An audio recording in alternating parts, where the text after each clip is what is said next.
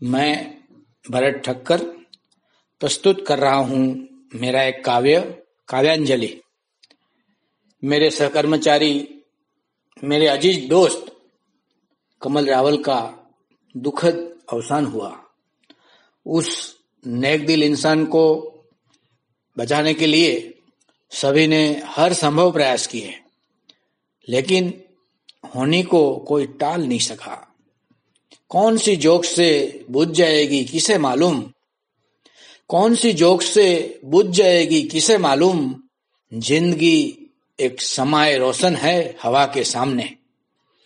आज हमारे बीच कमल तो नहीं रहे।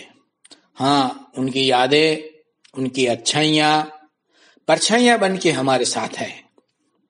उस नेक दिल इंसान की याद में मैंने एक कविता काव्यांजलि बनाई है। प्रस्तुत है मेरा काव्य, काव्यांजलि।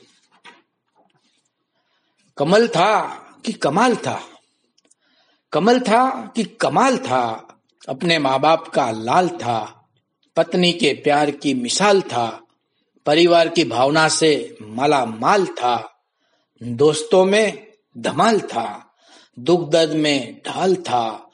लहराते पतंग की चाल था, होली का गुलाल था, नवरात्रि की ताल था, सदगुणों से निहाल था, होने का उसे ख्याल था, पड़ी ज़रूरत जिसकी ऊपर भी, पड़ी ज़रूरत जिसकी ऊपर भी, कमल ऐसा बेमिसाल था, कमल था, कमाल था।